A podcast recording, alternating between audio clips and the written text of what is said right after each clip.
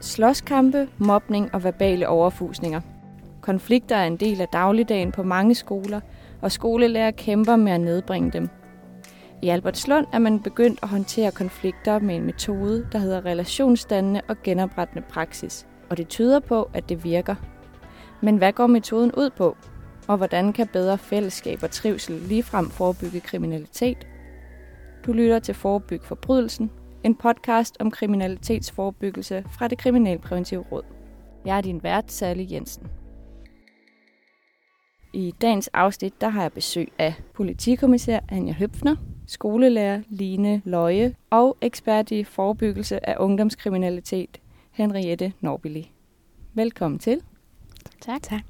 Line Løje, du er skolelærer på Hersted Øster Skole i Albertslund, hvor I arbejder med relationsdannende og genoprettende praksis.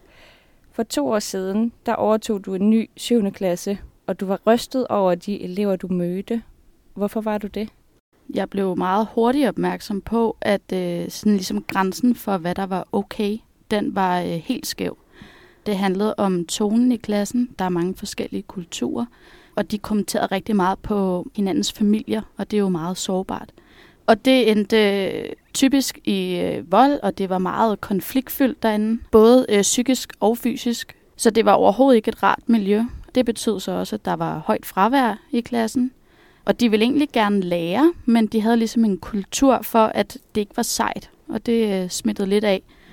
Det var tydeligt, at de ligesom kæmpede om pladserne i hierarkiet, så de var øh, altså decideret onde over for hinanden, og det var specielt ikke rart at være i. Anja Høbner, du er politikommissær på Københavns Vestegn, hvor Albertslund ligger. Hvis der er en dårlig kultur i en klasse, hvor der foregår nogle af de ting, Line nævner her, hvorfor er det så bekymrende fra dit perspektiv? Mennesker i mistrivsel i negative fællesskaber, de har en øget risiko for at komme i kriminalitet eller i kriminelle miljøer. Så når Line beskriver børn og unge, der er onde ved hinanden, der mobber hinanden, der måske sætter hinanden i nogle situationer, som er grænseoverskridende, så kan reaktionerne jo meget hurtigt være vold, trusler øh, eller anden form for kriminalitet tilbage. Henriette Norbeli, du er chefkonsulent hos det Kriminalpræventive Råd og ekspert på ungdomskriminalitet. Hvorfor bliver nogle børn og unge kriminelle? På skoleområdet, hvis vi kigger på det øh, særskilt, så er der en sammenhæng mellem manglende trivsel og kriminalitet. Mange skoleskift, mobning, konflikter med kammerater og ikke at gennemføre skolen er noget af det, der kan øge risikoen for at begå kriminalitet.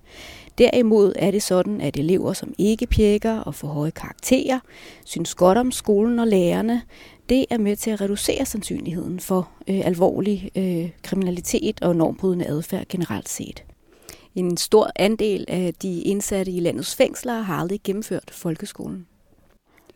Hvis jeg må, må, må tilføje, så ser vi jo ofte børn, unge, som mistrives i skolen, lad være at møde op i skolen, hænge ud på legepladser i parker, og der møder de jo ofte andre børn og unge, eller i nogle tilfælde øh, ældre med en agenda, der ligger ud i at kunne misbruge de her børn til salg af narkotika, til at være med til at lave indbrud, eller i det hele taget bare til at have en destruktiv adfærd. Så hvis det er dejligt at gå i skole hos Line, og man trives med sine kammerater, så er det der, man går hen.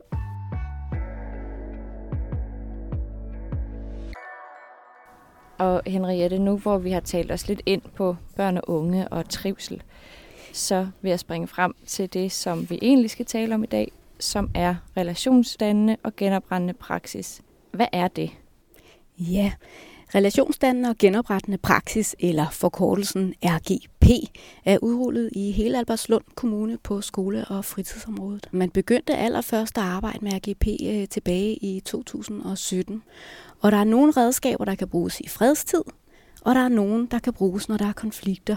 På det opbyggende plan er der dels redskabet cirkler, hvor man sidder i en rundkreds i klassen og får taletid på skift og lytter til hinanden på skift. Et andet opbyggende redskab, det er affektiv udsagn og spørgsmål. Og det betyder simpelthen, at man, når man snakker, fokuserer på oplevelsen af følelser. Hvad føler jeg? Hvad føler de andre? Når der har været konflikter, så kan man tage fat i konflikthåndtering, hvor parterne i konflikten stilles de præcis samme spørgsmål. Hvad der er sket, hvad man tænker, hvordan man er berørt, og hvad man synes, der skal ske. Og det er med til at udtrykke, at alle er lige meget værd, og det er meget gennemsigtigt for alle parter, øh, som har været med i konflikten. Det vil sige, at børnene på skolen ved på forhånd, hvad er det, der sker nu. Ved mere alvorlige konflikter, så afholdes konferencemøder. Og det er øh, nogle møder, som bliver forberedt ganske nøje med nogle separate formøder med parterne hver for sig. Og øh, på selve konferencemødet, så er det en øh, udefrakommende facilitator, som hjælper de berørte med at bearbejde hændelsen, øh, og man finder en fælles løsning på, hvad skal der ske nu. Og det kan man se har en, en langt bedre effekt i forhold til at løse konflikter bæredygtigt. Altså de opstår ikke igen, med genoprettende praksis, der kigger man jo rigtig meget på de miljøer, man skaber for børn og unge, frem for at udpinde enkelstående børn og unge. Det handler jo om os som professionelle at tage ansvar for, øh, hvad det er for en kultur og hvad det er for et skoleklima, man skaber. Og Line, de her ting, som Henriette fortæller om metoden, hvordan arbejder du som skolelærer helt konkret med det? Jamen altså allerførst så for eksempel med affektiv udsagn i og med, at de talte så grimt til hinanden, så skruede jeg virkelig op for affektiv udsagn. Og for eksempel var det også en klasse, der tit kunne komme for sent, men øh, i stedet for ligesom at sige, når de kommer for sent, hvorfor kommer du for sent, eller det er irriterende, og hvilken dag får de så, hvis jeg starter deres dag med, at de kommer, og jeg er sur, så kan jeg lige så godt sige, hvor er det dejligt, du kommer, det gør mig vildt glad, for vi skal lave det og det. Så det der ligesom skruet op for, men jeg fortæller dem også, hvis de har været i konflikt, eller de har talt grimt til hinanden, så fortæller jeg også, det vil gøre mig vildt ked af det, hvis jeg fik det her at vide. Sådan så jeg måske også prøver sådan, at sætte den lidt ind i det her empati. Så har vi jo øh, cirkler. Jeg har det tre gange om ugen i min klasse. Men på skolen er det ligesom et krav, at man har det øh, mindst hver 14. dag. Og det er ligesom, hvor at vi sidder i en cirkel, uden ligesom nogen borer imellem os, øh, men vi sidder side om side. Og øh, så øh, starter vi med at tjekke ind. Altså man øh, siger måske fra 1 til 10, hvordan man har det. Og det gør også, at eleverne bliver enormt opmærksomme på hinanden. Ligesom, okay, jeg har det øh, 10 ud af 10, men der min kammerat sidder her ved siden af og har 2 ud af 10. Jeg har overskud, det har min ven ikke. Måske skal jeg lige være lidt opmærksom på ham. Det har hjulpet helt vildt meget. Så har vi også øh, bare generelle spørgsmål, der måske kan ligesom øge, at de har noget til fælles. Det kan være, øh, hvis du vandt en million, hvor vil du så helst rejse hen? Og så øh, sidder der øh, to og helt vildt gerne vil til Japan, og så har de lige pludselig noget at snakke om, selvom de ikke troede, at de havde noget at snakke om. Det kan også godt være, hvis der har været en eller anden konflikt i klassen, så prøver vi ligesom at gøre det synligt og, og løse det sammen. Øhm, og jeg har meget fokus på, ligesom, at det er et fællesskab, og vi er en lille familie. Vi tilbringer rigtig meget tid sammen. Så vi taler om det åbent, og at vi også godt kan sige, at den her elev har det lidt svært for tiden, så kan vi alle sammen lige være gode til at invitere med ud og spille bold eller gøre nogle ting. For eksempel havde vi helt konkret en konflikt med, at øh, drengene spillede bold indenfor, og det resulterede i, at øh, pigerne punkterede bolden hver dag. Så er også nogle ting, vi tager op. Altså, hvordan kan vi løse det, og kan vi lave nogle aftaler, sådan så bolden ikke bliver punkteret hver dag. Så hvis der er konflikter, så bruger vi jo det her kort, hvor at eleverne, det ligesom er meget synligt for eleverne, hvad de skal igennem, og jeg kan mærke, at de har mere ro i maven, det der med, at de ved, hvad det er, de kommer ud til, de ved, hvilke spørgsmål. Spørgsmålene hænger også på nogle store A3 øh, i hver klasse, så det ligesom er meget øh, synligt for eleverne, okay, hvis jeg kommer i en konflikt, så er det det her, der sker, og, og de ved, at de bliver hørt, og de ved, at der er ikke en lærer, der står og siger, nå, nu er frikvarteret slut, ærgerligt, du fik ikke noget at sige ind i klassen med jer. Og hvor stor skal en konflikt være, for at man tager den på den her måde? Jeg vil sige, det afhænger lidt af, hvordan eleverne er påvirket af det. Hvis jeg kan fornemme, at eleverne, det er bare, nå ja, det er fint, og så går vi ind og sidder ved siden af hinanden i klasseværelset, så er det ikke noget, hvor jeg siger, hey stop, vi skal lige hive kortet op. Men hvis jeg kan mærke, at det er måske en, altså en gentagende konflikt, eller der er et eller andet mellem de her to elever, eller det fylder virkelig meget for den her ene elev, så vil jeg gøre alt for ligesom at hive de to elever sammen og måske tale om det og få det løst netop så det er bæredygtigt og det gentager sig gang på gang. Og hvilke effekter har du set i din klasse efter du begyndte at arbejde med det her? De er meget mere fælles, og der er meget mindre vold inde i klassen. De taler meget pænere til hinanden. De har fokus på ligesom at få lavet nogle aftaler med hinanden, eller få lavet nogle løsninger. De er blevet meget bedre til at komme og sige, jeg tror måske enten mig og ham skal snakke sammen, eller hende og hende skal snakke sammen, fordi at vi kan mærke, at der er noget, der fylder. Så at de er meget opmærksomme på hinanden, og de tager ansvar, ligesom hvis de kan mærke, at der er en, der ikke tjekker ind særlig højt i cirklen. Øh, så de er blevet vildt gode til at sige, hey, vil du med ud og spille fodbold, eller skal vi to lige gå i kantinen, eller hvor før, der var det bare øh, min egen lykkesmed, ikke? Kan de også selv finde på at tage initiativ til de her mere formelle konflikthåndteringsmøder eller konferencemøder? Det kan de også. Jeg havde for eksempel i min egen klasse, der øh, skulle vi på lejerskole. Der efterspurgte de selv, om de måtte få et kort med i hvert hus. De skulle ligesom bo i deres egne øh, hytter. Om de måtte få et kort med i hver hus, så ligesom hvis der opstod en konflikt, så var der nogen, der kunne sætte sig sammen, og så kunne de prøve at løse det.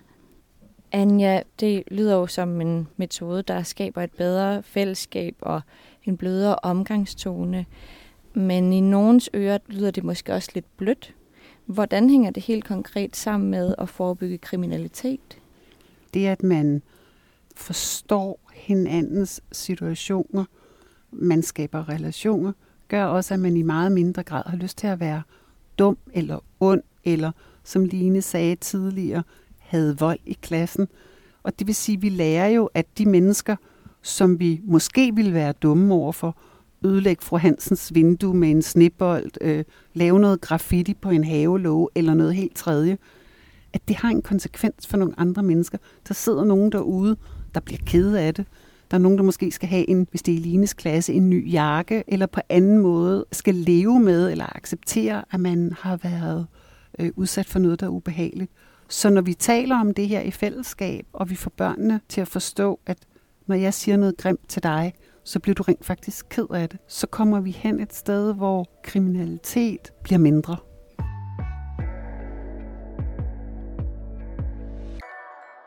Henriette, der er lavet en øh, evaluering på relationsdannende og genoprettende praksis. Hvad siger den? Virker det? Ja, evalueringen havde lidt svære kår på grund af, at den øh, blev øh, udført under øh, corona. Men så har forskerne, der står bag den, kigget på de steder, de skoler, hvor udbredelsen af RGP var størst, og sammenlignet med de skoler, hvor udbredelsen af RGP var mindst. Øh, og her var der en OK svarprocent, og der er faktisk en tendens til en generelt positiv udvikling i trivslen. Færre af børnene oplever konflikter, alt imens størstedelen af eleverne synes, at konflikter i klassen tit ender på en god måde. Erfaringen fra udlandet er, at brugen af genoprettende praksis godt kan øge elevtrivselen og medføre færre hjemsendelser. Så det vil sige, at man med brug af en genoprettende praksis kan mindske eksklusion fra en skolekontekst. Og der kan vi jo se i, øh, i de store øh, studier, at udelukkelse fra skolen, mange skoleskift osv. kan medvirke til at øge risikoen for, at kriminalitet øh, opstår senere hen i livet. Hvad er det for nogle lande, hvor man særligt arbejder på den her måde? Det er blandt andet England i en skolekontekst. Øh, hvis du kigger ud over skolekonteksten, så øh, kan vi nævne rigtig mange lande. Så kan vi øh, sammenligne os med Norge og Sverige og Kanada, Australien, New Zealand, USA. Og hvordan bruger de det, som ikke er i en skolekontekst? Der bruger man øh, en tilgang, der hedder Restorative Justice på kriminalitetsområdet, på retsområdet. Det kan være øh, i stedet for straf eller øh, som et supplement til straf. Og der gennemfører man øh, for eksempel konferencer, hvor man involverer både øh, offer og gerningsperson. Og øh, så er det en struktureret dialog med en uddannet maler, øh, som fører frem til en bedre forståelse af, hvad der er sket, og hvad der skal ske nu, for at det gentager sig. Og sådanne genoprettende konferencer har vist sig at have en positiv effekt i forhold til at mindske gentagen kriminalitet og til at skabe en større tryghed hos offeret. Og nu nævner du nogle andre lande, hvor man i særlig høj grad gør det på den måde. Men gør man ikke også det lidt i politiet i Danmark, Anja? Altså, vi arbejder jo med konfliktmæling øh, i politiet, og har gjort det faktisk i rigtig, rigtig mange år. Det går jo fra, man kan sige, den bløde del af nabostridighed, og man, man er irriteret over, at naboen har klippet hækken for kort, eller hunden gør, til at nabostridighed kan blive noget voldsomt omfattende og rent faktisk ende i meget alvorlige forbrydelser. men vi bruger det også i færdselsuheld, særlig færdselsuheld med øh, personskade eller måske ligefrem dødsfald, over i jeg vil sige, sådan mere almindelig kendt øh, personfarlig kriminalitet, vold, sædelighedsforbrydelser osv. Der spørger politiet sig ind til, om man kender til konfliktråd, og hvad der er muligheder for rent faktisk at opnå. Der er denne her mulighed for, at du kan mødes med den person, du har været i konflikt med, eller øh, har været udsat for en forbrydelse. Kunne du have øh, lyst til at tale med den person, så I kunne måske afmystificere noget af det, der er sket, og, og forklare jer over for hinanden og have et nyt fælles platform.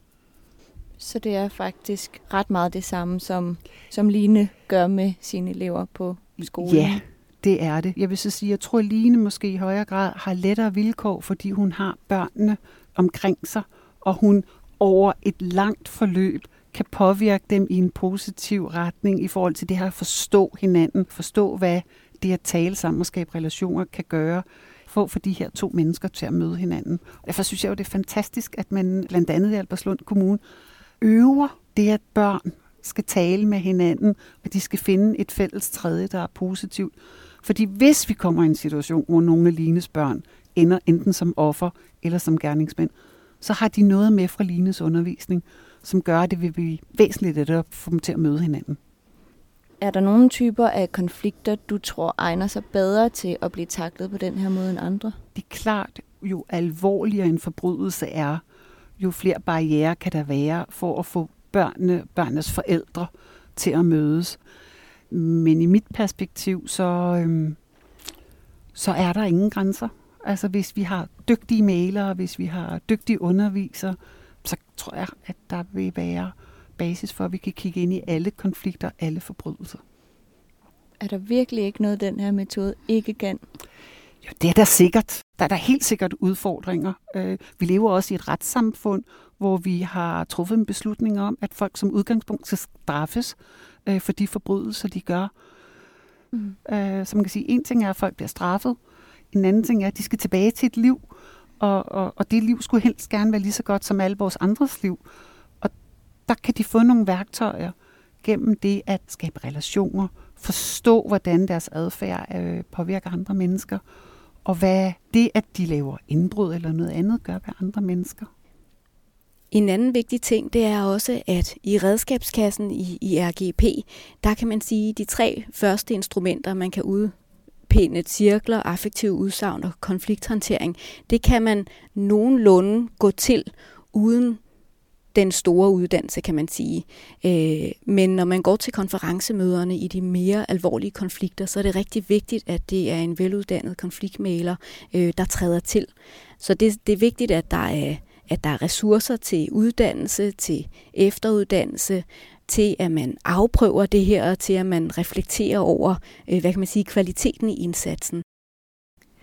Line, hvad håber du på, når det gælder om at udbrede den her metode til andre skoler? Jamen, jeg håber, at man vil give det en chance. Og øh, nu har jeg stået og undervist en del, og der er mange, måske særligt den lidt ældre generation, der er sådan, det er bare gammel vin på nye flasker, og jeg kan godt finde ud af at konfliktmale i min klasse, men det handler jo også om, at for eksempel på vores skoler, man har et fælles børnesyn, og det gør det enormt trygt for eleverne, at de ved, uanset hvilken lærer, der ligesom hjælper dem med den her øh, samtale, at så er det på samme måde. Man skal ikke gå til en for, at så, så ved man, om så, så får han skylden, for det plejer han altid. Eller at man ligesom har det her fælles børnesyn, og det er meget trygt for eleverne, at de ved, hvad der skal ske.